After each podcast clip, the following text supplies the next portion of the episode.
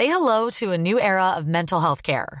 Cerebral is here to help you achieve your mental wellness goals with professional therapy and medication management support. 100% online. You'll experience the all new Cerebral Way, an innovative approach to mental wellness designed around you.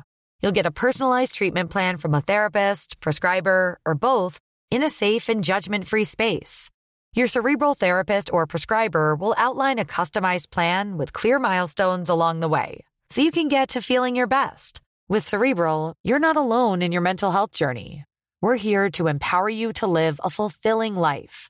So take that first step towards a brighter future and sign up today at cerebral.com slash podcast and use code ACasts to get 15% off your first month. Offer only valid on monthly plans. Other exclusions may apply. Offer ends July 31st, 2024. See site for details. Millions of people have lost weight with personalized plans from Noom, like Evan, who can't stand salads and still lost 50 pounds. Salads, generally, for most people, are the easy button, right? For me, that wasn't an option. I never really was a salad guy. That's just not who I am. But Noom worked for me. Get your personalized plan today at Noom.com. Real Noom user compensated to provide their story. In four weeks, the typical Noom user can expect to lose one to two pounds per week. Individual results may vary. Hey, Dave. Yeah, Randy. Since we founded Bombus, we've always said our socks, underwear, and t shirts are super soft. Any new ideas? Maybe sublimely soft. Or disgustingly cozy? Wait, what? I got it. Bombus. Absurdly comfortable essentials for yourself And for those facing homelessness. because one purchased equals one donated. Wow, did we just write an ad? Yes. Bombas. Big comfort for everyone. Go to bombas.com slash ACAST and use code ACAST for 20% off your first purchase. Hej och varmt välkommen till avsnitt 192 i Karriärpodden. Innan vi drar igång vill jag stolt presentera Karriärpodden och Women for Leaders samarbetspartner, Volkswagen Group Sverige. Tack för att ni gör det möjligt att sända Karriärpodden. I det här avsnittet träffar jag Nora Beivi, den prisbelönade techentreprenören som idag arbetar som riskkapitalist, investerare och partner på Unconventional Ventures med fokus på underrepresenterade grundare. Nora har själv erfarenhet av både globala företag och startups och är grundare av Unitech som har missionen att accelerera inkluderingen i techbranschen och skapa möjligheter för underrepresenterade att bli dagens entreprenörer. Vi kommer få följa med på hennes resa där hon som barn flydde med sin familj från Iran och hamnade i Sverige. Där skolgång och de första arbetsplatserna präglade henne mycket. Vi får också höra hur hon sen blev bemött som gravid och småbarnsmamma med utländsk bakgrund när hon skulle söka kapital. Och hur allt det här gav henne ännu mer driv att verka för inkludering och mångfald. Nu i en bransch där riskkapitalet är extremt snedfördelat. Här kommer nu avsnitt 192 med min gäst Nora Beivi. Jag heter Eva Ekedal.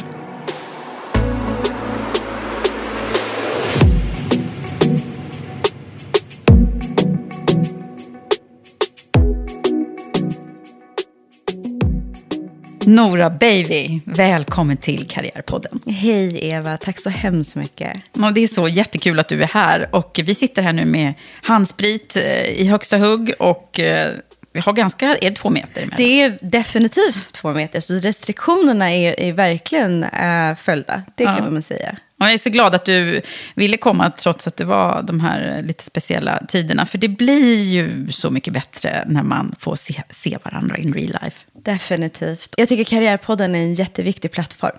Och får jag chansen att belysa också fler perspektiv i, i de här historierna så vill jag ju såklart mer än gärna göra det. Ja, och vi har ju varit igång här redan innan. Jag var bara här, vänta, vänta, vänta, mikrofonerna måste på. För det har ju varit ett, ett varmt och eh, härligt samtal redan innan här. Som med mycket energi känner jag. För det har du. Tack! Ja. Eh, ja och det är väl, det är väl av, av många saker. Eh, att jag får träffa dig och få chansen att prata. Jag menar, du sitter med jättemycket erfarenhet som är jätteviktig eh, för det arbetet jag gör och resan framåt. Eh, men sen också såklart, jag tror att det, har man passionen med sig i vardagen så kanske det lyser ännu mer igenom. Ja, men, och jag känner att jag har så mycket att lära mig av dig. Eh, så det är verkligen ett ömsesidigt lärande det här. Eh, men vi har också några gemensamma nämnare känner jag, som vi kan eh, bocka av under samtalets gång säkert. Definitivt. Men jag, eh, första gången som jag fick upp ögonen för dig, det var nog i någon av Breakits intervjuer och Dagens Industri, eh, som handlade om den här studien som eh, du nyligen har varit med och genomfört. Ja. Ska vi börja där lite? Absolut, det är ju jätterelevant. Så i oktober månad så släppte då vi, jag och min kollega från Unconventional Ventures, en rapport som tog en riktigt eh, säger man, nära titt på hur vi investerar och har investerat de senaste tio åren. Vårt fokus är att investera i underrepresenterade. Med det menar vi kvinnor, LGBTQ-community eller individer som har eh, etnisk minoritet. Och för att kunna ge det på, på bästa sätt och påvisa varför vi tycker att det är, är den bästa affärsidén eller affärsmöjligheterna så måste vi också titta på hur ser det ut. Och det är så intressant för att jag personligen tycker att jag bor i en av världens mest jämställda länder. Ja. Och Norden tillhör en av världens mest jämställda regioner. Det är det alla pratar om. Det är det vi tar sån enorm stolthet i. Men jag vet ju av egen erfarenhet att vi är inte jämställda på så många sätt. Och här var det en väldigt tydligt sätt för oss att visa det i fakta och siffror. Och den rapporten visade tydligt att eh, de senaste tio åren så har eh, riskkapitalet till eh, kvinnliga grundare eh, gått med enbart eh, 1% senast förra året. Det är den senaste siffran. Den har Senaste. det har varit mellan 1 och 3 procent, men nu är den en. Exakt, och Norden generellt i snitt har legat mellan 2 och 5 procent. Så det har inte rört sig jättemycket där.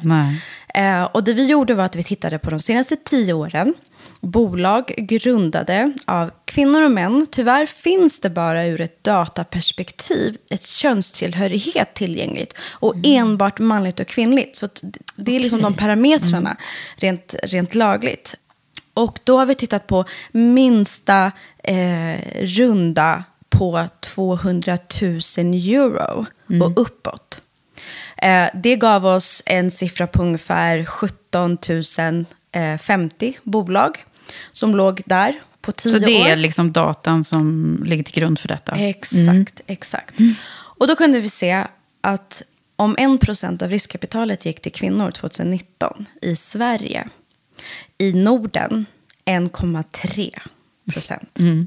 Då hade vi mixade eh, procentuellt som låg på ungefär 6 procent. Men det jag vill... Mixade bolag, Förlåt, alltså- mixande bolag grundade av både män, Män och och kvinnor. kvinnor. Och enbart manligt grundade bolag, 93 procent i Sverige. Och det här var inte enskilt för 2019. Så här har det sett ut de senaste tio åren. Ja, men det har ju det. Och då vill man ju bara gå till botten med vad är det som är problemet. Det är klart att det är ett enormt problem. Och jag tror en av de sakerna är ju att erkänna att det är ett problem. Vi investerar inte i alla de bästa eh, idéerna om inte vi tar oss tid och lyssnar och letar och ser efter vilka idéer det finns. Risken där vi just nu har investerat så otroligt enkelriktat, det är en monokultur vi har byggt. Eh, utan insyn eller insikter i allt från kund, målgrupp, eh, kvinnligt som andra parametrar. Eh, våra produkter och tjänster är ju byggda av och för. Och även om de är byggda för fler så har de inte de rätta perspektiven som gör att det möjliggör för andra grupper att få vara del av den utvecklingen. Eh, så att den Ja, och det speglar ju heller inte liksom kundperspektivet om man säger. Exakt, exakt. Så problemet är att ett, vi erkänner inte vilket problem det är. Två, vi har enorma fördomar vi måste bearbeta i samhället.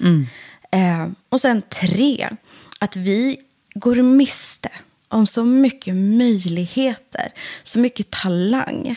Eh, och det, jag tror det absolut största är att om vi nu ska jobba mot hållbar, ett hållbart samhälle. Vi jobbar för hållbara bolag som ska rädda oss från liksom, de problemen vi besitter i som ett samhälle.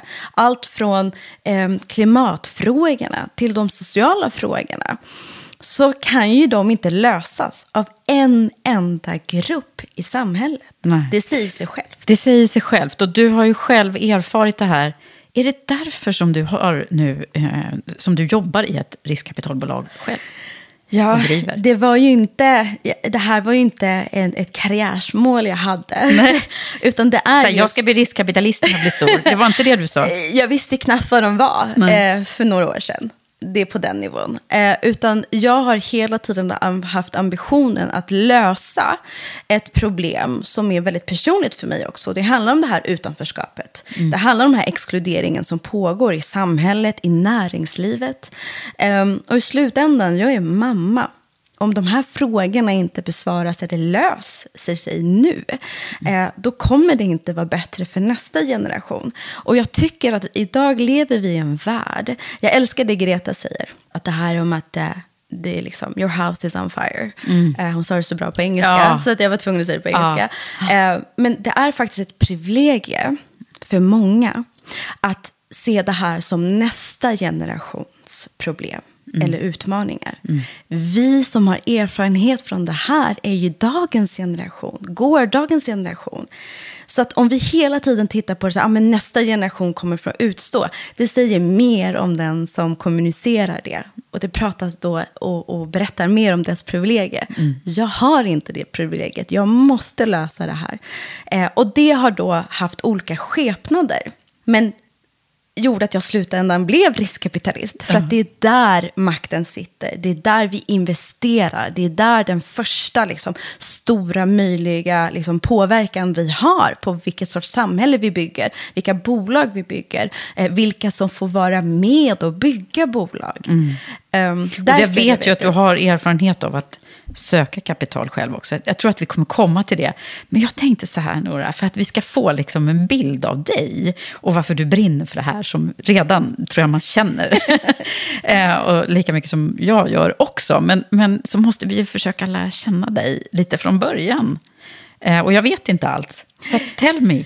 Absolut, och det är så kul när man har varit så himla driven av frågorna och pratat så mycket om, om frågorna. Och så kommer någon som du som bara, fast vem är du bakom frågorna? Får man tänka till lite. Ja. Eh, men jag tror, jag menar, det säger sig självt när man ser mig. Jag är inte född i Sverige. Jag kom Jag trodde ju du flykting. var amerikanska. Jag trodde att vi skulle sitta här och prata engelska. Ja, och hur roligt är det? Mitt namn är väldigt amerikanskt. Ja, Nora Baby. Eh, Nora Baby. Eh, men det är väldigt också eh, Mellanöstern. Eh, jag är från Iran i, i, i grunden. Och vi var på väg, eh, vi flydde eh, precis som den första stora vågen på 80-talet på grund av kriget. Ehm, och vi gjorde en, en sån här, jag brukar kalla det för Hollywood-aktig eh, flykt, för att det är så man har porträtterat det. Men vi flydde över bergen till Turkiet, tog oss till Tyskland som var delat på den här tiden. Min pappa var en av dem som var, hade det väldigt bra ekonomiskt. Jag tror att första vågen där ha, var de som hade Det det, bra som- ekonomiskt.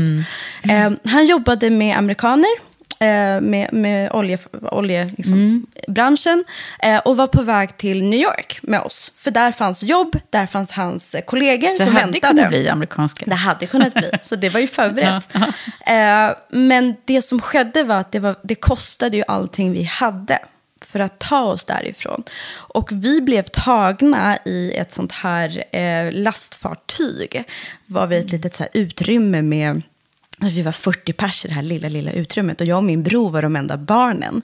Eh, och vi blev tagna i Danmark för att den skulle då från Tyskland till Danmark för att eh, fylla på tanken. Och sen via Island till New York. Det var liksom den Det var flyktvägen. den. Oh, det är lite som, som utvandrarna och invandrarna. Exakt, exakt. Ehm, men eh, på 80-talet, och jag tror att det fortfarande är så eh, i många delar av världen, så blir du ju då, om det är krig i ditt hemland, blir du då och har flyktingstatus, då blir du skickad till det landet du har närmast anknytning till. Och året innan så hade min farbror kommit till Sverige på arbetsvisa. Så vi blev skickade till Sverige på flyktingförläggning. Ehm, och för min pappa var det så en klar liksom, bra val att ja, men då jobbar vi, eh, får upp vår ekonomi och sen tar vi oss dit. Till New York sen. Sen, du vet den där. Och det blir ju alltid som man har tänkt sig. Nej, det blir aldrig som man har tänkt sig. Ehm, men det var väldigt um, påfrestande för min mamma och pappas relation. De var ganska unga, var två småbarn. Ehm, och det är tufft nog utan alla de parametrarna. Så de skilde sig, vi blev kvar. Ehm, jag fick chansen att flytta runt ganska mycket. Eh, och det har väl präglat mig, tror jag, lite mer än vad jag har trott. För att jag är väldigt bekväm i, i nya situationer med nya människor. Liksom det, det är inte obekvämt för mig på det Nej. sättet. Det är det som många flyttar betyder för att man det. blir van vid att- hantera den här eh, okända miljöerna och människorna. Exakt, exakt. Och jag tror, genom att flytta så mycket som jag gjorde, eh, från städer och, och bostadsområden, så blev jag ju också utsatt, om man nu kan säga det, eh, för olika typer av människor, socioekonomiska bakgrunder. Eh, ni vet, allt det här som för mig blev liksom mm, fantastiska lärdomar och förståelser för kulturer, människor, bakgrund. Eh, så att när jag då blev eh, gammal nog i gymnasiet, jag tror att det är där vi alla präglas mer än vad vi tror. För att jag tror inte jag förstod förrän jag kom till gymnasiet hur lite jag hade tillgång till. Eh, för jag började gymnasiet i ett område jag liksom precis var nyflyttad till. Det var ett väldigt, eh, eh, väldigt vad säger man, eh, svenskt område. Det, var, det, var, det fanns en del liksom, som jag, men det var inte många. Ehm, och jag eh, blev då väldigt präglad av vad man bör läsa. Och för mig var det ju naturvetenskap. Eh, jag är från Iran och då Just brukar det. vi skoja om det är naturvetenskap som gäller. så matte. Ja, ja, matte liksom. Och jag älskade matte, så det gjorde mig ingenting. Så det där var ju så toppen. Men det är också, jag tror, en sak som jag fortfarande liksom bär med mig. Hur viktig skolan är, men också hur oviktig skolan är. Och det är motsägelsefullt. Ja, verkligen. Vad menar du? Skolan är enormt viktig, för där lär vi oss otroligt mycket om de egenskaperna som samhället präglas av. Vi lär oss att samarbeta, samverka, vi lär oss ja, men information, utbildning, om den informationen sköts på rätt sätt. Nu är jag väldigt, som även mamma kan känna att vi har missat så mycket och vi håller på att missa väldigt mycket om inte vi uppdaterar våra läroplaner. Eh, Men för mig blir det väldigt tydligt också att den delen av skolan liksom, och naturvetenskapliga linjen som är liksom väldigt mycket eh, öva, lära dig det gamla. Det förändras inte mycket. Matte är matte. Liksom, det, det, är, bara att förstå, Det är bara liksom. att förstå, exakt. Det, det finns formler, du lär dig och så här ser det ut.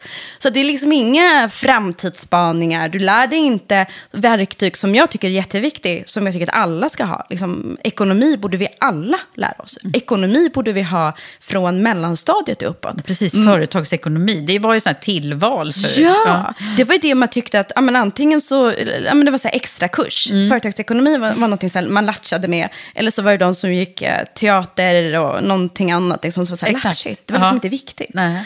Ehm, kreativitet var pratade vi aldrig om. Vad var det? Det var liksom udda. ehm, som är jätteviktigt idag, vill jag bara poängtera. Jag präglades väldigt mycket av, av speciellt en, en lärare som då också blev min mentor.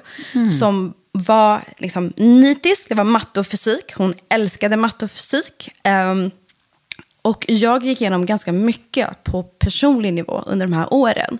Och för någon som, som då var helt inne i sitt liksom, matte och fysik och ingen förståelse för vad som kunde ske bakom, bakom skoltid. Mm, eller efter skoltid, så var det väldigt svårt att få hjälp och stöd. Så att under liksom, de åren präglades jag jättemycket av en mentor som i stort sett varje dag bad mig hoppa av för att det inte var för mig. Utbildningen var inte för mig jag kanske skulle börja jobba. Att jobba kanske var bättre för mig. Så jag tror det här motståndet från... det var liksom dissning på hög nivå? Hela tiden. För den jag var, eh, för kulturen jag representerade, för den personligheten jag hade. Som jag sa, är jag är väldigt van vid så här, nya miljöer, nya människor. Så jag kunde ju prata med vem som helst och tycka att alla var lika intressanta och liksom så. Eh, och det tog hon ju fasta till att jag liksom, ja, men var pratkvarn, var mer intresserad av det sociala. Liksom mycket sådana saker som idag är fantastiska egenskaper. Mm. Som jag får väldigt mycket beröm för i mitt som ledarskap. Som du verkligen så här, retoriskt och kommunikativt och allt det där. Tack. Men du, var, alltså, det, var, det var mobbning alltså? Ja, ja, gud ja. På den nivån att eh, när...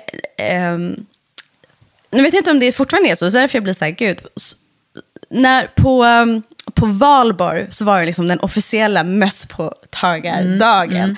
Man hade beställt sin mössa, den skulle komma och det är liksom den dagen officiellt så, så, så var det liksom den här ceremonin.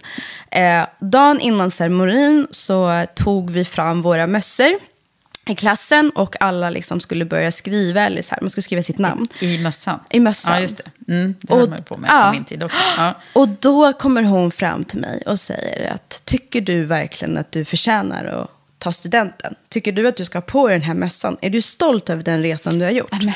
Och det här är alltså eh, efter alla år jag har liksom varje dag gått dit utan att hon har tagit hänsyn för liksom, mitt personliga liv har sett ut.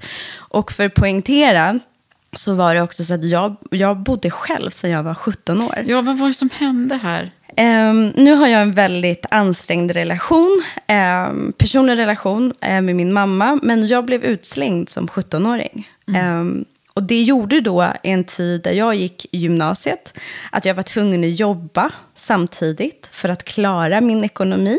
Mm. Och jobbade på ICA, vilket var fantastiskt fantastisk arbetsplats. Jag vill bara säga det.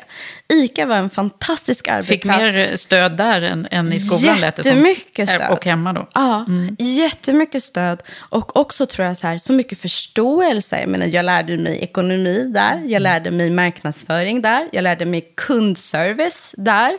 Jag lärde mig jättemycket om liksom, alltså, verktyg jag har mm. kunnat nyttja.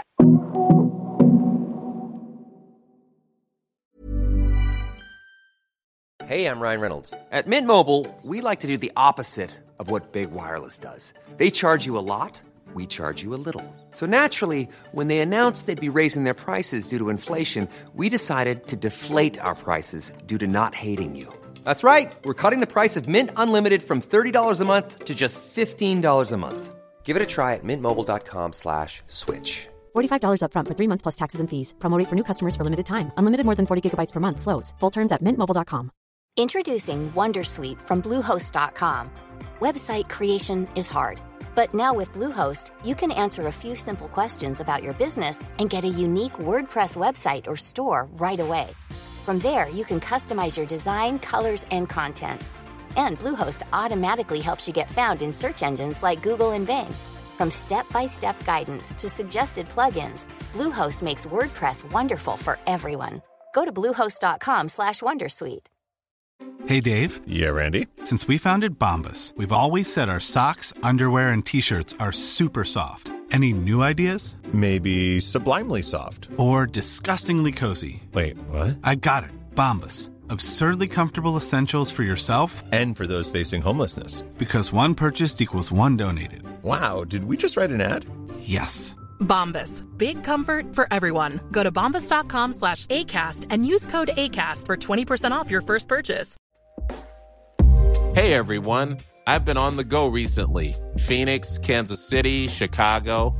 If you're like me and have a home but aren't always at home, you have an Airbnb. Hosting your home or a spare room is a very practical side hustle. If you live in a big game town, you can Airbnb your place for fans to stay in. Your home might be worth more than you think. Find out how much at airbnb.com/slash host. Hey, I'm Ryan Reynolds. At Mint Mobile, we like to do the opposite of what Big Wireless does. They charge you a lot we charge you a little. So naturally, when they announced they'd be raising their prices due to inflation, we decided to deflate our prices due to not hating you. That's right. We're cutting the price of Mint Unlimited from $30 a month to just $15 a month. Give it a try at mintmobile.com slash switch. $45 upfront for three months plus taxes and fees. Promo for new customers for limited time. Unlimited more than 40 gigabytes per month. Slows. Full terms at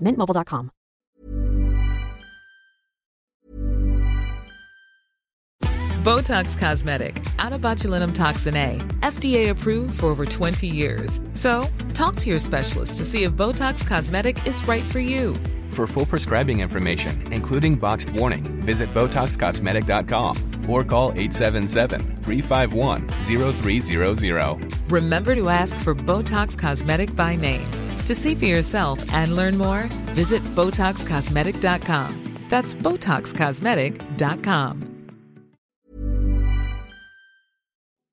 Men du, vad har det här, eh, nu när du liksom säger det här nu, vad tänker du då? Vad har det gett dig för någonting liksom i form av drivkraft och så under den här, eh, den här perioden? Det låter ju som det här är din första dal, vi som pratar om dalar. ja, alltså det, det var en enormt stor dal. För för mig så byggdes det upp hela tiden ett motstånd mot mig för den personen jag var. Och jag förstod inte varför. Än idag har jag ju svårt att förstå varför. Eh, men det det har gett mig, det är där jag tror jag har blivit mycket mer klarare på det och, och kanske kan se det som, en, som en, liksom, något positivt. Det är ju att jag har ju fått en jävla drivkraft, ursäkta språket. Mm, mm. När någon säger inte för dig, det passar inte dig, inte för dig eller ett nej. Då blir det så här, varför inte jag? Mm. varför inte? Och jag tror också att om man har folk som inte tror på en. Eh, så sker egentligen två saker. Antingen så lyssnar man på det. Eller så försöker man motbevisa det. Mm. Och jag har väl blivit det senare. ja, och jag bara känner, sitter så här och tänker på, undrar vad den där läraren säger idag. Liksom. Här sitter du nu i Karriärpodden, driver eget riskkapitalbolag, är liksom med i DI och Breakit och tv och allt möjligt. Liksom, det, det, kan man ju fundera över, vad, vad den personen ja, tänker idag. Ja, och vet du, här ska jag erkänna, jag undrar om hon någon dag kommer att lyssna på det här. Eh, hon hade fräckheten och la till mig som vän, du vet, vänförfrågan ja. på Facebook. Det här är alltså, hur länge sedan var det här? Det här är alltså kanske sex år sedan, fem mm. år sedan. Jag har fortfarande än idag inte besvarat. Nej, det förstår jag. Det förstår jag verkligen. Men alltså, det är så intressant det här. Jag tycker att eh, jag, jag bara har mött, mött andra som såklart har kommit fram till liknande grejer. Men det blir så tydligt när du hade, liksom, det var från två håll här egentligen som du blev motarbetad. Eh, eller åtminstone inte fick det, liksom, supporten som, som man behöver genom livet. Mm.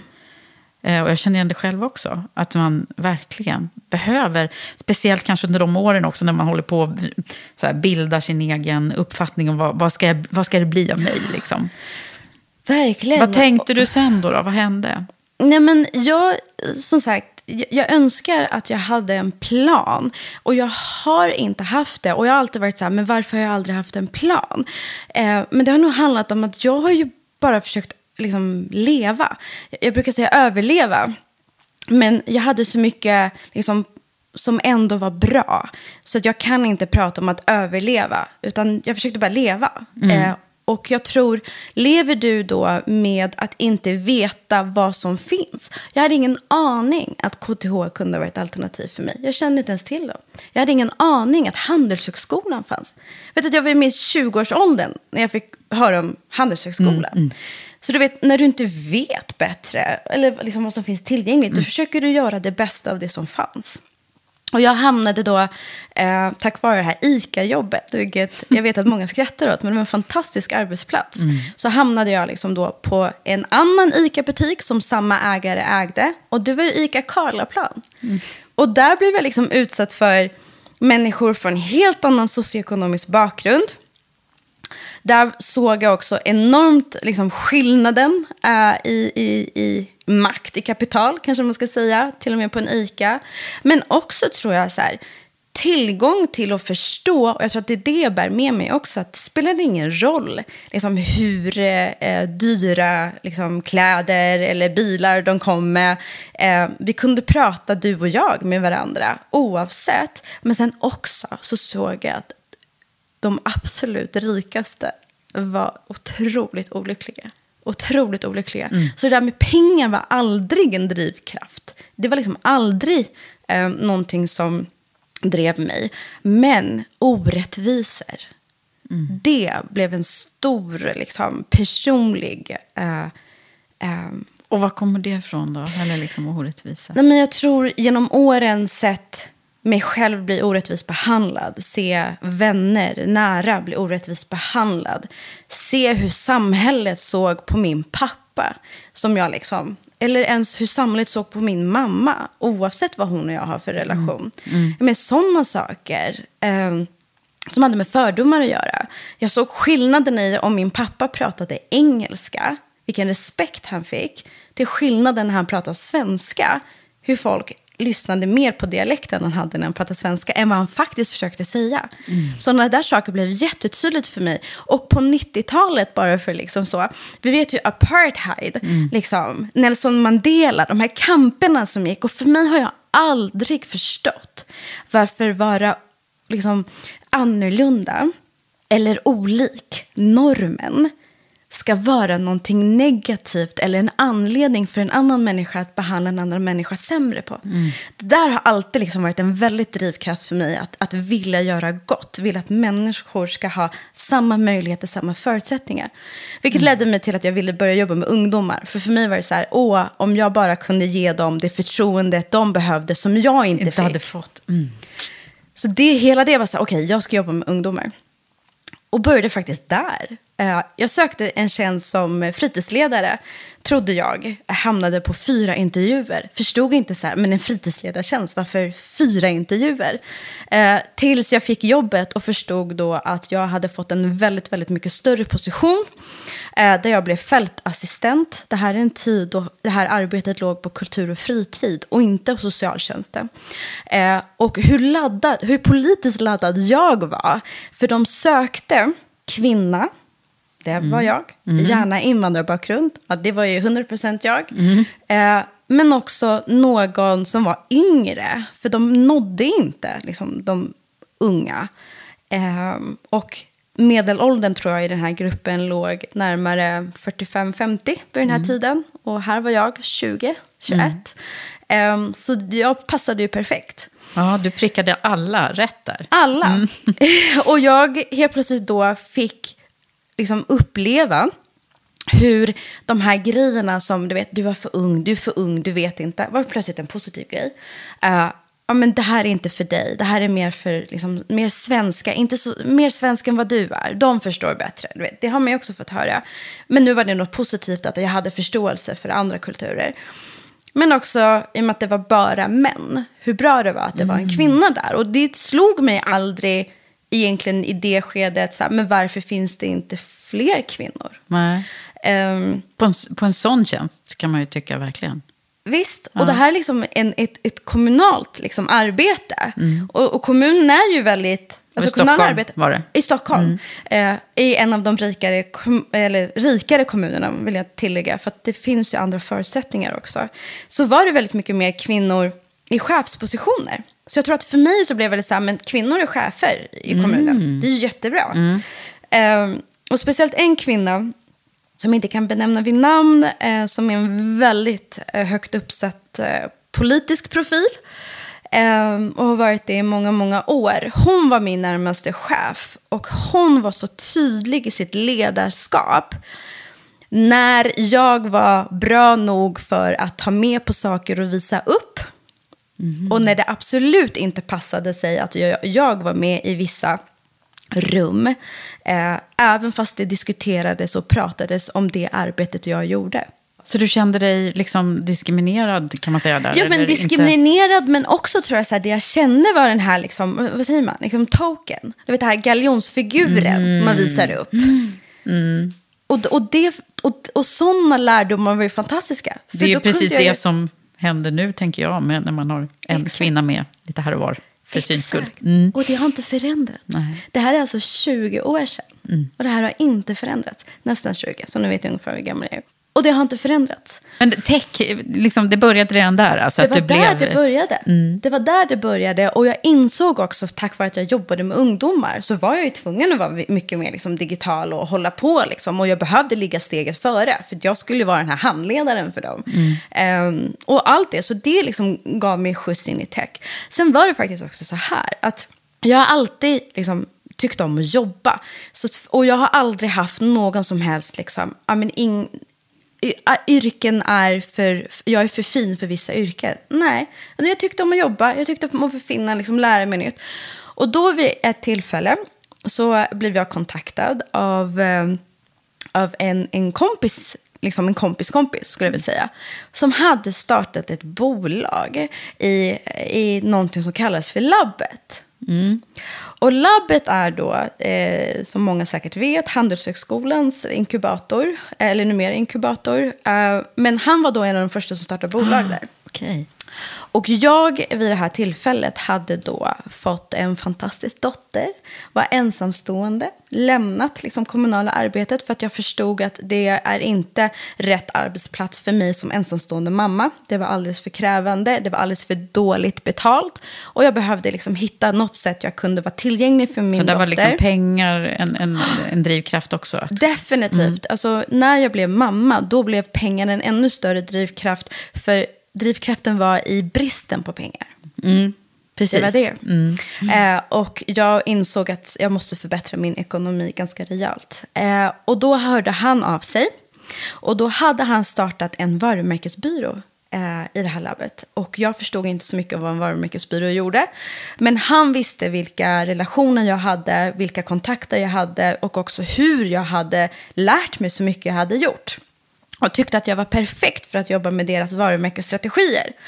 Och för mig var det fortfarande ett frågetecken. Vad är Handelshögskolan? Vad är labbet? Varför behöver folk Ja. en varumärkesstrateg? Liksom, Vad är det för titel? Vad Vad är det för yrke? Det där var någon som såg dig alltså, Ja. verkligen. Och det här är faktiskt en, en fantastisk individ som jag fortfarande har kontakt med. Får säga vem det är? Såklart. Eh, Andreas Palm eh, och bror Christ, eh, Christian Palm som startade ett bolag som heter Ciceron Group. Ja. Och det är där jag hamnade eh, som ensamstående mamma. Och man kan ju fråga sig vad en ensamstående mamma gör på en sån, sån byrå. Där jag tror att de hade eh, över 250 resdagar per år. Eh, men det var också faktiskt en av de första arbetsplatserna som också, tack vare att jag var mamma, i, i, gjorde, liksom, skapade plats för mig. Där jag kunde komma en viss tid och lämna en viss tid och kunna vara tillgänglig. Men så gjorde vi en sån enorm resa. För det som hände med Ciceron Group var att de hade precis tagit sig ur, det här var också efter finanskrisen. Eh, så de skulle bygga upp på nytt. Eh, och det här var då eh, i en tid där techbranschen, innan det blev sexiga techbranschen, hette då IT-telekom. Just. Eh, och, och dealen för att jag skulle börja hos dem var att jag skulle få ta hand om IT-sidan. Och jag visste ju inte mycket om IT. Jag menar, jag visste ju vissa varumärken, men vad innebär IT? Så det de gjorde, och det här eh, kan vi skratta åt idag, men de skrev ut eh, Eniro, för oss som kommer ihåg, så Ja, fanns det en det katalog, en Ja. telefonnummerupplysning. Eh, skrev de ut eh, från A till Ö. Och, eh, och eh, bransch var IT. Så där satt jag eh, morgon till kväll och ringde bolag efter bolag efter bolag. Och fick egentligen sköta min egen liksom, införsäljning och ta in min egen kund. Så bra start ju. En jättebra och det där, skola. Jag brukar också skoja eh, med just det där med telefonkataloger och Eniro och så. Eh, När jag började jobba i search, eh, rekryteringsbranschen, eller det var ju parallellt med du höll på med det där, så satt jag med telefonkatalogen också i min ända och letade efter folk och ringde dem. Så det var ju verkligen så det var. Innan, alltså, jag kan känna att jag lever på, levde på stenåldern, men det gjorde vi ju nästan både du och jag då kan man säga, när vi satt där med våra... Idag är det helt eh, främmande om man pratar om det. Det märker jag också. Ja. För när jag pratar om att jag är i techbranschen då tänker alla så här, åh, du kodade eller var med Ja, och kodade precis. morgondagens bolag. Nej, det var telefonen. alltså, och en telefonkatalog verktyg. som jag skrev ut på papper. Ja. Så där satt jag och jag tror i mina liksom, möten, alltså jag kunde överföra samma liksom, intresse i telefon. Eh, och det lyste igenom. Men här var ju också hemligheten. Jag visste ju, jag hade ju tagit reda på bolagens resa. Så att det inte var en försäljare som ringde att hej, vi erbjuder det här, skulle ni vilja, ni köper, ni är intresserade? Nej, utan det jag gjorde var då, hej, mitt namn är, jag vet vilken resa ni är på och var, vart ni liksom står någonstans. Får jag chansen att bara berätta för er vad jag tror att ni behöver för att ta er, inte bara till nästa steg, men också vinna marknadsandelar och skapa lojalitet? Det var skillnad. Det var pitchen alltså. Det var pitchen, du hör ju. Ja, den var bra. Alltså. Eh, det gick bra för dig här. Det gick jättebra. Mm. Eh, jag fick chansen att eh, var med. En enorm stor resa, inte bara på Ciceron Group, eh, hur vi gick från fyra personer till 40 personer. Eh, utan vi då jobbade med nordiska bolag som ville ta sig till internationella marknader. Vi jobbade med internationella bolag som skulle ta sig in på den nordiska marknaden. Var med och drev framförallt eh, ett arbete som vi gjorde liksom årligen, eh, som var då eh, till världens största hemelektronikmässa, som heter CES Mm. i Las Vegas. Ja. Nu kommer jag ihåg den. Mm. I de här utrymmen så var jag 99% av, av, av fallen ensam kvinna. Och jag började sakta men säkert se fler och fler kvinnor. Eh, men det som slog mig så tydligt var att dessa kvinnor var väldigt präglade av samma saker som männen. Samma socioekonomiska bakgrund, samma nätverk, samma bostadsområden. Svarta kavajer. Svarta kavajer. Ja, ja, ja. ja. Svarta kostymbyxor. Gråa kostymbyxor. alltså, eh, och, och, och också på den här mässan så var det också väldigt indelat. Så här, manliga produkter, eh, häftiga. Och sen hade du liksom, ja, men ett för få saker som var för kvinnor. De var rosa, liksom, g- guld, glitter, litet avdelning. Liksom. Och vad som fick kallas innovation, det tyckte jag var jätteintressant också. Hur ordet innovations använde. Liksom, jag kan tycka att vi behöver ett nytt ord, för idag så pratar vi om innovation för nya produkter och tjänster som egentligen inte har påverkat vårt, liksom, har inte varit disruptive nog Nej. att förändra saker och ting. Och för mig blev det då, som mamma dessutom, tror jag, eh, ännu mer liksom, ifrågasättande. Tror jag. Om jag hade gjort det som individ, ja, men varför inte jag? Nu blev det så här, men vad har det här för betydelse för mig och min dotter? Vad har det här för betydelse för henne? Och när jag började ställa de frågorna, då insåg jag att även i jämställdhetsfrågan, där vi pratar om man och kvinna, så är inte jag representerade så länge kvinnorna och männen är från samma grupp. Och hur kvinnofrågan då, eller jämlikhetsfrågan, har liksom fortfarande blivit en väldigt, väldigt icke-intersektionell fråga. Hur det då påverkar min dotter. Och det är en sak att vara liksom stark kvinna, eh, eller stark generellt, men du vet, att, att trigga igång en moders liksom, eh, urkraft i att vilja ha ett räs, rättvist samhälle för, för sitt barn. Precis, hur blir det en bättre värld för Hur henne? blir det en bättre Mm. värld? Och det var liksom därifrån, men det växte väldigt, alltså det låg och gnagde i mig. Jag lämnade industrin, eh, startade eget, Mm. för att jag var mer liksom fokuserad på strategierna än resorna och upplevelserna. Och jag kände att eh, den här industrin inte släppte in mycket mer kvinnor. Och jag ville inte vara liksom, den enda kvinnan där och inte skapade mer utrymme för fler kvinnor.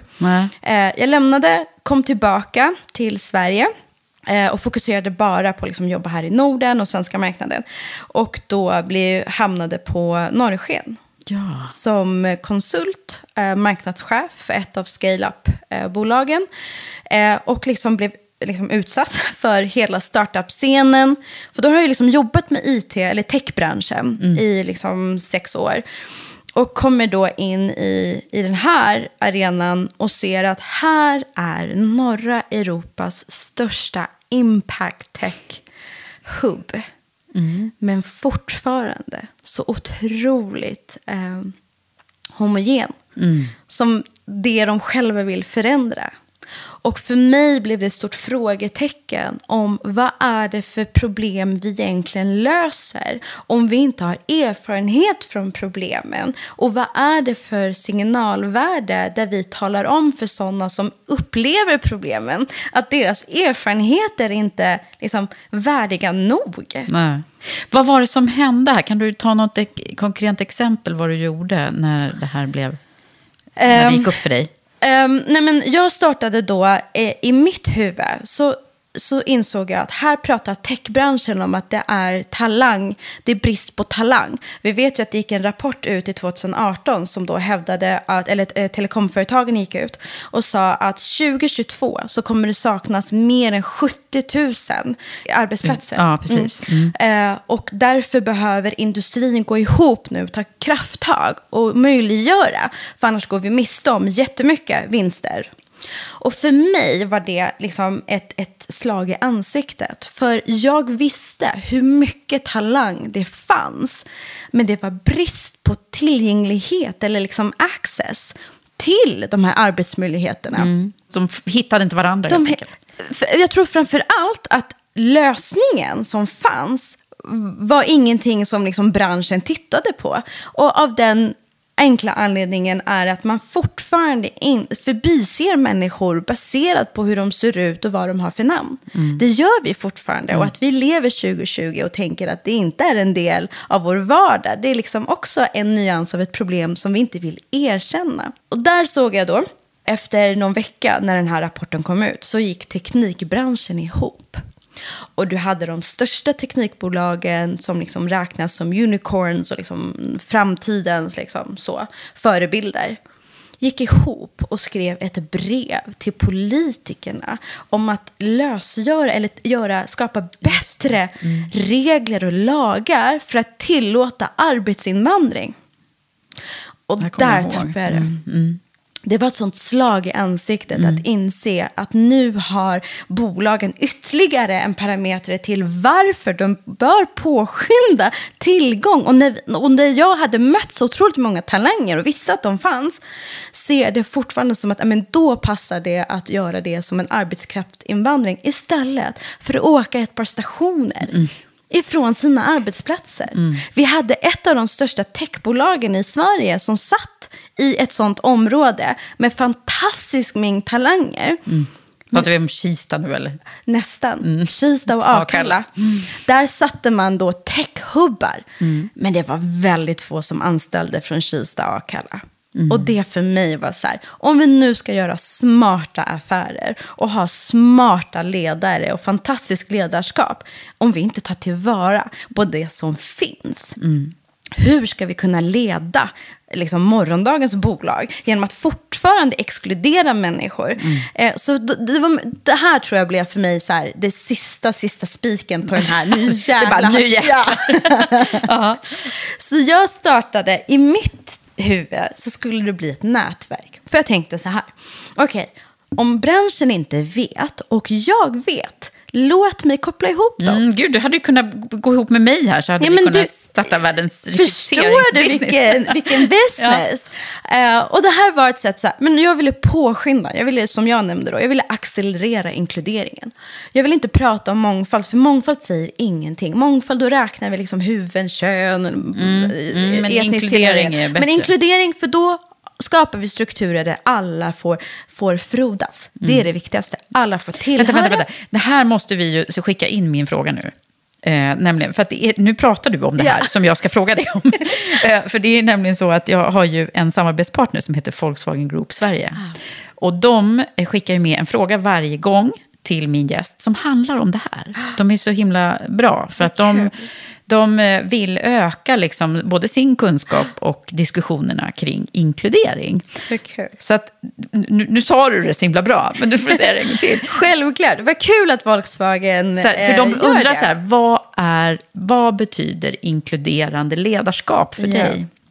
Eh, sidostory, jag techbranschen, IT var ena branschen, men bilindustrin var andra branschen. Mm. Så jag reser runt med många av, av, av bilbranschens eh, varumärken också. Mm. Vill du bara? Men ja. sidostory. Ja, Inkludering. Mm. Ja. Inkluderande ledarskap är ett ledarskap som eh, möjliggör för flera perspektiv att vara representerade, att tillhöra, men också att frodas. Mm. Det är ett inkluderande ledarskap. Vet man inte om sitt ledarskap är inkluderande, mm. då bör man titta på sitt fantastiska ledarskap, eller ledargrupp som man har kanske, och titta på vilka perspektiv är det jag saknar. Mm. När de parametrarna börjar bli fler än det som är representerat, ja, men då har inte du ett inkluderande ledarskap. Så är det ju, verkligen. Där fick de svar på en gång. Men okej, okay, så där var du då. Det var det sista spiken som, ja. som gjorde... Och då... Så då var det här nätverket. Och då ringde jag runt, för jag hade jobbat med alla. Säg hej, jag vet att ni saknar kompetens. Vad är det för kompetenser ni letar efter? Ja, men de här kriterierna. Jättebra. Och det här var liksom, jag hade inte tänkt att starta en rekrytering. Jag var så långt ifrån rekrytering du kan tänka dig. mm. um, och då... Um, satte jag ihop dem med alla de här individerna. Och till slut så började jag inse att jag känner ganska många individer. Jag känner ganska många som blir förbisedda i Sverige. Som flyttade utomlands och jobbar för fantastiska techbolag. Men ville såklart komma hem för de vill vara nära sina familjer. Och får fortfarande inte arbete. Så jag gjorde ett event där jag skulle här, belysa det här. Och jag kallar det eh, Why Diversity is Profit. För det som hände 2018 också var att det kom ju massa analyser och, och, eh, och forskning mm. um, från flera liksom, uh, managementkonsultbolag mm. uh, som McKinsey, då hävdade... Accenture. Mm. Är det inte, inte intressant att du har sån forskning och research och så har du då insatser som inte ens följer sina egna? Mm. Jo. Det blev för mig också lite hål i huvudet. Eh, så. Eh, men i alla fall, så då kallar jag Why is diversity profit? Så varför är det så? Liksom, mm. Vi måste gå förbi det som vi alla liksom tjatat ihjäl oss nu. 30% 35% bättre avkastning, 35 Det är ingen som lyssnar på det här. Nej, lönsamhetsaspekten, det, det, tycker man ju annars att... Eh, det borde vara. 45 procent, är det så? Mm. Vår rapport visade tydligt eh, att det finns en internationell studie som visar att eh, kvinnligt grundade bolag har 2,5 gånger bättre avkastning än manligt grundade bolag. Vår rapport visade att i Norden, så, och i och med att vi har den parametern att vi tittade på, eh, har rest 200 000 euro och mer, då kunde vi bara liksom titta på den.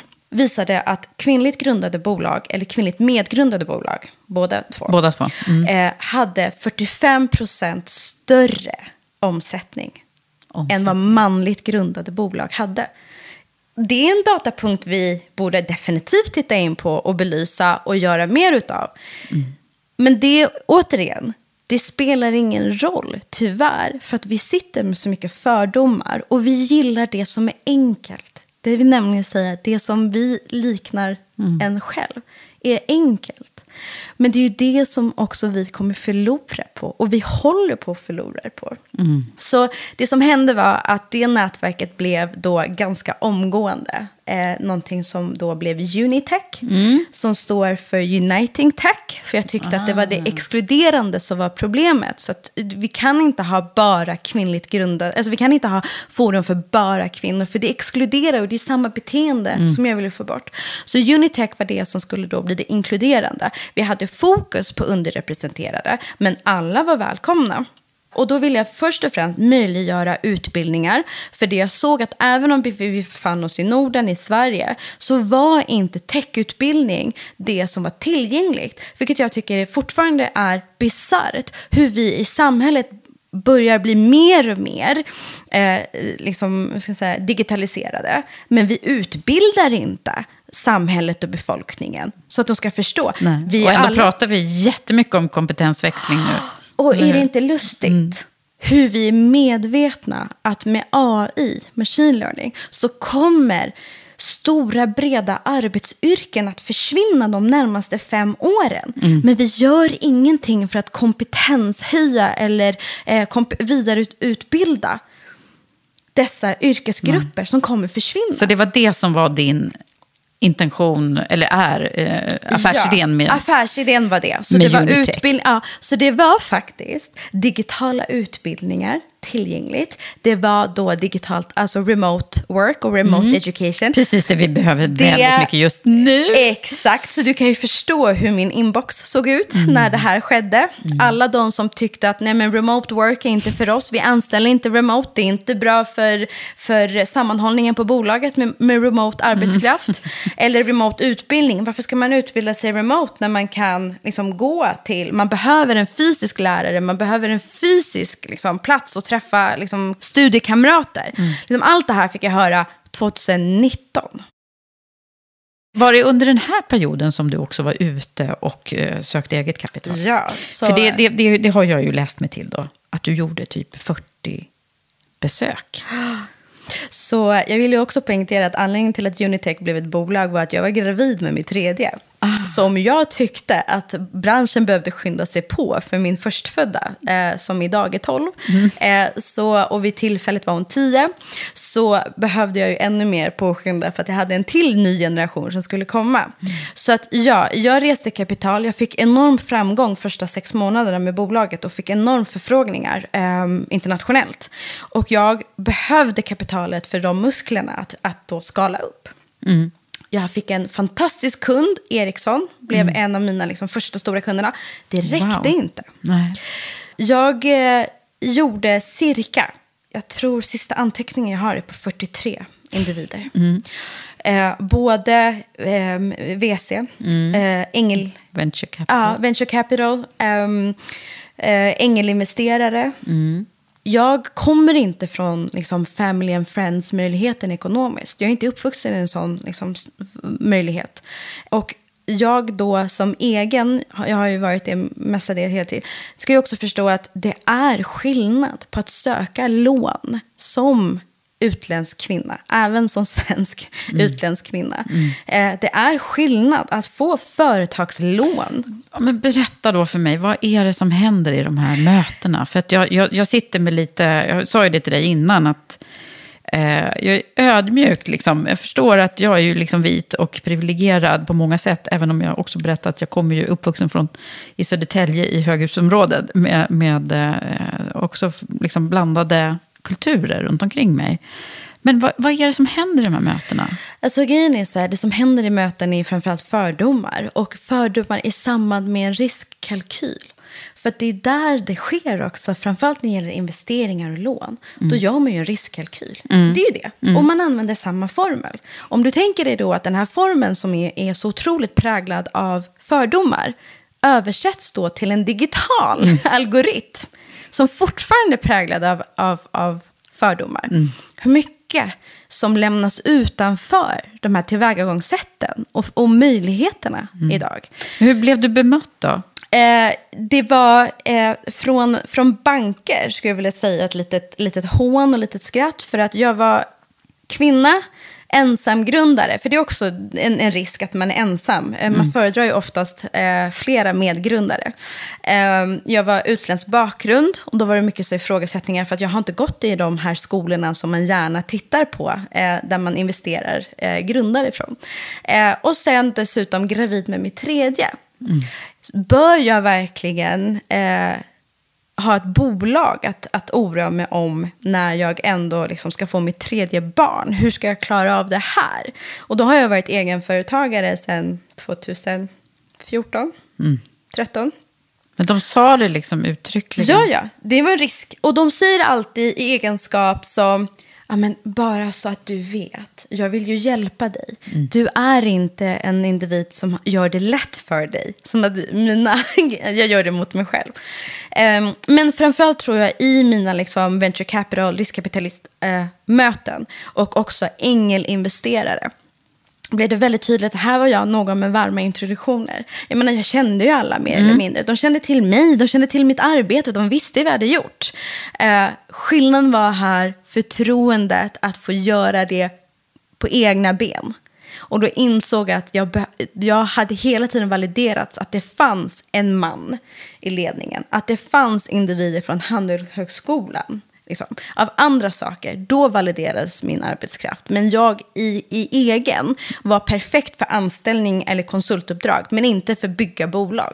Mm. Och i de här varma introduktionerna, hur det blev väldigt bekvämt för de här individerna att ställa väldigt, väldigt eh, dumma frågor. För vad det var, jag vet att vi säger att det inte finns några dumma frågor. Ja, men det gör det kanske. Vad, Men vad, de- säg vad vad var en dum I och fråga. med att jag fokuserade på underrepresenterade och framförallt då etnisk minoritet som jag vill liksom tillgängliggöra möjligheter till så fick jag också frågan i så här, ah, men hur kommer Trumps politik påverka min affärsmodell och målgrupp med tanke på att om han blir omvald 2020 eh, då kommer han ju göra ännu större liksom, eh, regel, regulations kring liksom, inreser, eh, förbud för muslimska länder, förbud för hit och dit. Och jag är så här, var någonstans missade du att mm, allting jag gör är digitalt? Och det har ingenting med någons politik att göra. Nej.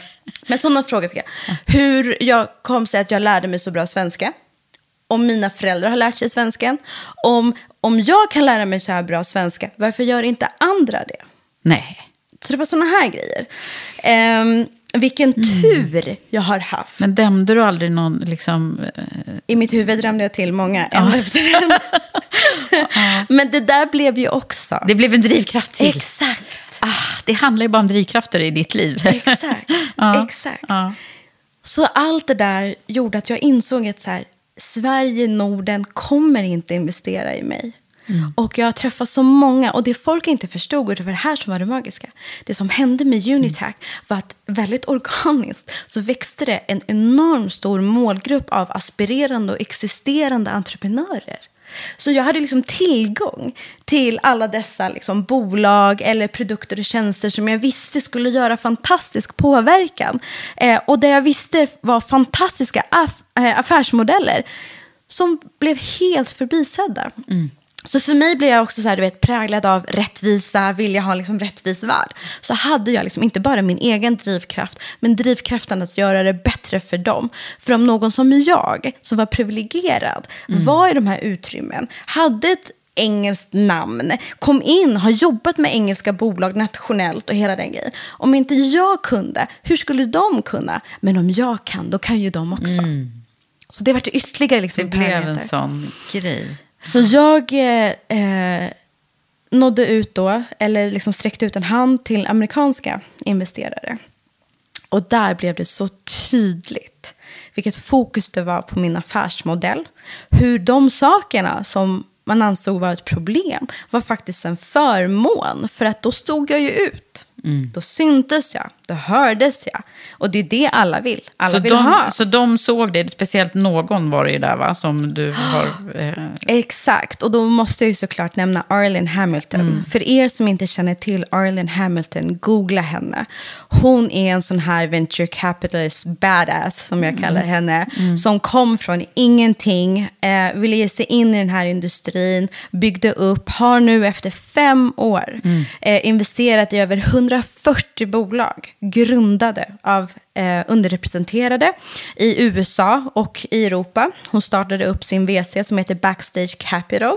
Och det var faktiskt genom henne som jag blev introducerade eller introducerad till grundaren till Unconventional Ventures. Eh, för Arlen var LP, limited partner, som hon investerade i den första fonden. Eh, Thea Messel som är en sån här eh, naturkraft från Norge som bor i, eh, i Köpenhamn. Eh, kommer från finansvärlden och sett de ojämlikheter som existerar. Eh, och startade då Unconventional Ventures som är då idag en nordisk venture capital riskkapitalbolag som då fokuserar på underrepresenterade. Och hon och jag träffades i ett väldigt intressant möte för att hon har investerat i bolag. Och för mig så var det också så risken av att prata att man investerar i underrepresenterade. Vill jag ju inte bara att det skulle bli, ja men det är vita kvinnor vi investerar i. För det representerade ännu inte mig och de jag representerade. nej. Och för hon är danska eller? Hon är norska, Norska. men det är ett danskt bolag. Ah, okej. ja. Mm.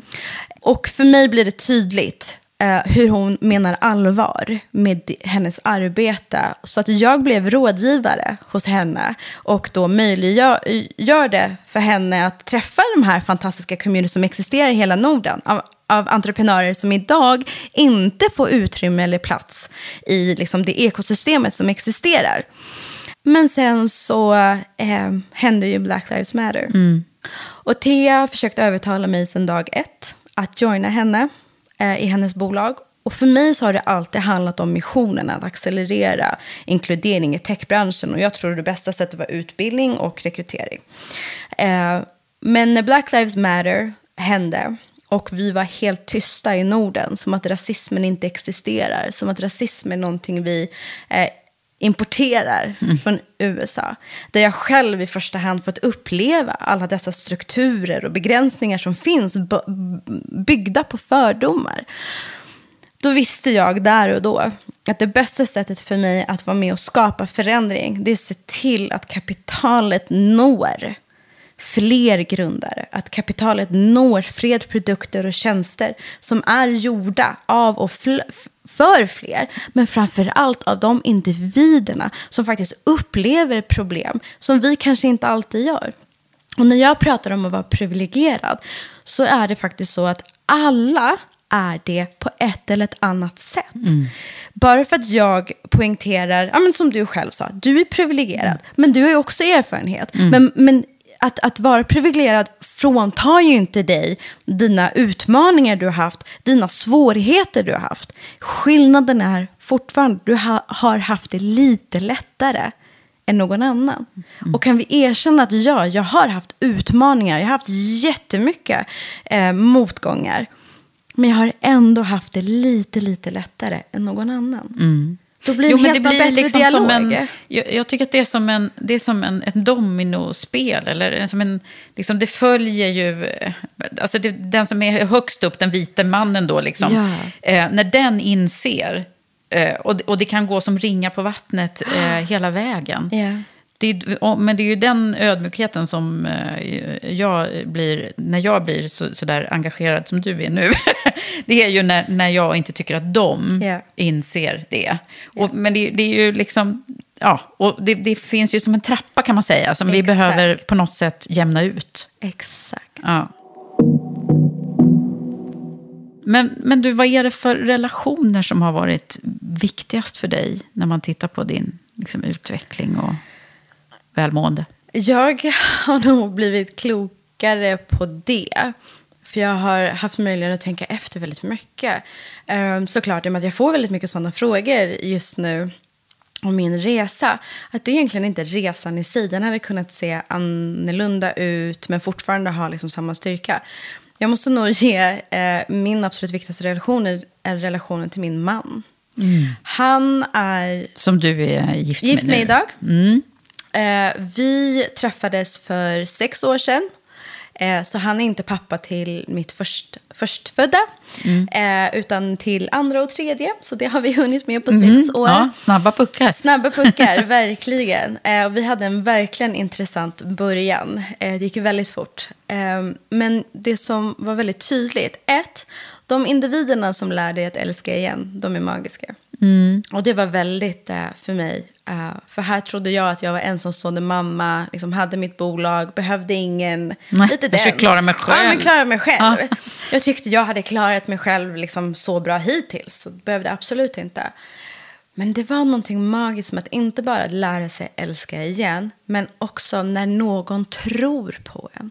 Du vet den här det jag hade saknat hela livet, någon som tror på mig. Mm. Och sen hade jag fått uppleva vissa individer som trodde på mig i korta perioder. För att det kanske gynnade dem eller deras mm. liksom, verksamheter och så vidare. Men ha någon som verkligen tror på dig eh, och är med dig. Och det är tack vare honom jag har lärt mig hela det här att, att tänka som ett team. Jag har aldrig förstått. Jag tror att vi är så präglade av att ja, men som på individ, man ska lyckas som individ, mm. man ska klara sig som individ, man ska... Det visar titlar som ger dig bättre förutsättningar än andra. Eh, och med honom, sen dag ett, och jag tror därför det har gått så fort, så var det så här, den frågan han ställde oss, det var inte ens jag. Så smart var inte jag. Det var han som ställde oss den frågan, är vad mår vi bäst av? Mm. Vad blir bäst för oss? Det är så han började hela liksom, eh, relationen tillsammans med mig. Mm. Och då när det var ett barn involverad redan från början. Eh, så det, han är absolut viktigast eh, och har gjort mest verkan, eller påverkan också. Mm. Eh, att jag vågar och att jag tar plats. Mm. Härligt. Alltså man behöver ju såna där. Definitivt. Och det, det är som, eh, du frågade ju mig om lite om min relation här innan. Och det, det är ju verkligen så att man, man behöver växeldra längs, liksom, längs Precis, livet. Precis, och det är det jag, jag är så nyfiken på dig Eva också när det kommer till relationer. Mm. För att det är tufft. Mm. Det är så otroligt eh, jobbigt. Jag menar, vi vet ju alla, alla pratar om det som när barn kommer i bilden. Mm. Eh, man blir starkare av det man hade. Liksom, det, det, positiva förstärks, men det negativa förstärks ju också. Mm. Så hur klarar man av att ha en karriär, eh, liksom, ha yrkeslivet och hålla ihop familj och ha liksom, samvaron? Mm. Och ha liksom, och kärleken ska liksom frodas, frodas och under tiden. Med och... Ja, nej, men det här är ju, alltså man skulle egentligen behöva göra ett helt avsnitt om det här igen. Jag brukar ju prata om det ibland, med, inte så regelmässigt med alla som är här, det beror på vad, man, vad som kommer ju. Men eh, jag tycker att eh, det, det är en väldigt viktig bit, pusselbit när vi tittar på både hela livet och liksom karriären. Och, och det vi, vårt, att vi ska liksom må bra i hela, hela tillvaron. Och jag har inget facit, jag har gjort alla fel man kan göra tror jag. Eller i alla fall eh, så valde jag rätt man, men, kan man säga. Men det är ändå så att det var många eh, svårigheter när mina barn var små och jag själv ville göra karriär och han också. Så att jag, jag, har, jag, kan inte säga att jag har gjort by the book, men jag, så här i efterhand så kan jag se att det var några bra saker som hände. Eh, framförallt det du också intygar här nu. Mm. Att man måste liksom tro, man måste ha känslan av att eh, man backar upp varandra. Liksom. Yeah. Eh, och, och säga bara, men nu är det din tur. Eller gör det här nu, för du, du, du är bra på det här. Och liksom känslan av det där, om man nu inte har fått all den kärlek man förtjänar eh, tidigare i livet, som jag tror att vi är många också som kan skriva under på. Ja, och jag tror att det är viktigt att belysa att det här är verkligen ett partnerskap. Och även om det är jag som har synts, eller man har läst om eller hört, så är det han och jag som ligger bakom allt arbete. Han och jag som möjliggör också liksom, tid ifrån eh, familj och annat. Men också, jag tror den här styrkan, speciellt när man har liksom, eh, många stängda dörrar, mm. så, finns det någon som liksom pushar på en bak så att man orkar lite till, orkar ja. lite till. Så det är verkligen ett partnerskap. Så det partnerskapet är jätteviktigt för mig. Jag tror för alla som är i en relation, jag tror inte det behöver vara liksom den den mest intima relationen. Det behöver inte vara en pojkvän, man eller respektive. Det kan också vara liksom från en vänskap. Men så länge man tänker som ett team mm. i, i de viktigaste frågorna. Mm. Backa upp varandra, det gillar jag. Verkligen. Ja, men du Nora, alltså, det är ju så häftigt när jag hör din berättelse och ditt engagemang. Eh, så att man, man förstår ju verkligen okej, okay, det är de här drivkrafterna som du har fått längs resans gång här som, som gör att du gör det du gör idag. Men jag förstår ju också att det har varit stunder som har varit eh, tuffa längs resans gång. Definitivt. Jag menar, det är ju inte... Ingenting har ju varit för länge sedan. och jag, det är så nära till hands. Jag menar, det finns tillfällen jag inte visste hur jag skulle ha råd med blöjor. En mm. sån sak. Det fanns tillfällen jag var tvungen att välja mellan middag eller blöjor. Bara en mm. sån sak. Mm. eh, det fanns tillfällen jag bodde i en bil. Um, det fanns tillfällen, jag kommer fortfarande ihåg, um, där jag skulle ta mig till jobbet men var tvungen att panta. Det var bara tur bara att jag hittade några burkar. Så jag hade, vad kostar det, 20 kronor att åka enkelt. Mm. Um, allt sånt ligger ju väldigt nära till hands. som, jag, så, så, som jag sa, det, så här, det, det att, att lyckas eller succé, jag vet inte hur folk mäter mm. och det är såklart olika. Men för mig har det hela tiden handlat om att ha det lite bättre än vad jag haft det. Det var en sak när det bara var jag, men det är en annan sak när jag var ansvarig för någon annan. Mm. Och jag tror det som har varit viktigt för mig eh, har också varit vad kommer min dotter ställa mig för frågor? Och hur kommer jag kunna besvara dem? Eh, och då är det så viktigt för mig att jag gjorde mitt bästa. Men också att jag har inte lyxen av att inte fokusera på de frågorna jag har fokuserat på. Mm. För att det är så kostsamt för min nästa generation. Och jag tror det är väldigt lätt kanske och det kanske är det vi har nuddat vid. Så här, ja, men yrkesmässigt, karriärsmässigt så förflyttade mig genom här. Men den har ju också präglats av ett konstant. Du är inte bra nog. Du duger inte som du är. Men om du ändrar dig. Och då pratar vi om ändra på sig själv, sitt yttre. allt från det lockiga håret till det raka håret. Allt från att se för ung ut i utrymmen där det var bara äldre och för att de ska ta det på allvar så måste du liksom vara på ett visst sätt, prata med vissa typer av ord. Inte Så du har liksom försökt att rätta dig i ledet? hela tiden. Tror du att du kan sätta fingret på vad är det som har fått dig att ändå ge, att, du liksom, att du, har, du har trott på dig själv någonstans i det här? Alltså vet du, jag tänker på det väldigt mycket. För som mamma så försöker jag också tänka så här, okej, vad är det mina barn behöver? De behöver inte massa saker. Det vet jag. Men de behöver tro på sig själva. Och hur lyckades jag tro på mig själv i en värld som aldrig trott på mig för, förrän nu? eh, egentligen. För Och- nu har du ju människor eh, runt omkring dig och även vi i periferin som, som också ser dig och tror på att det här är en häftig Ja. kraft. Och det är det jag menar med alltså, ledarskap kan innebära så mycket olika saker. Du behöver inte vara vd för att vara ledare. Du kan vara det i ditt, liksom, i, i ditt team, eh, i ditt eh, liksom, eh, kollega. Som kollega kan du vara en, en ledare.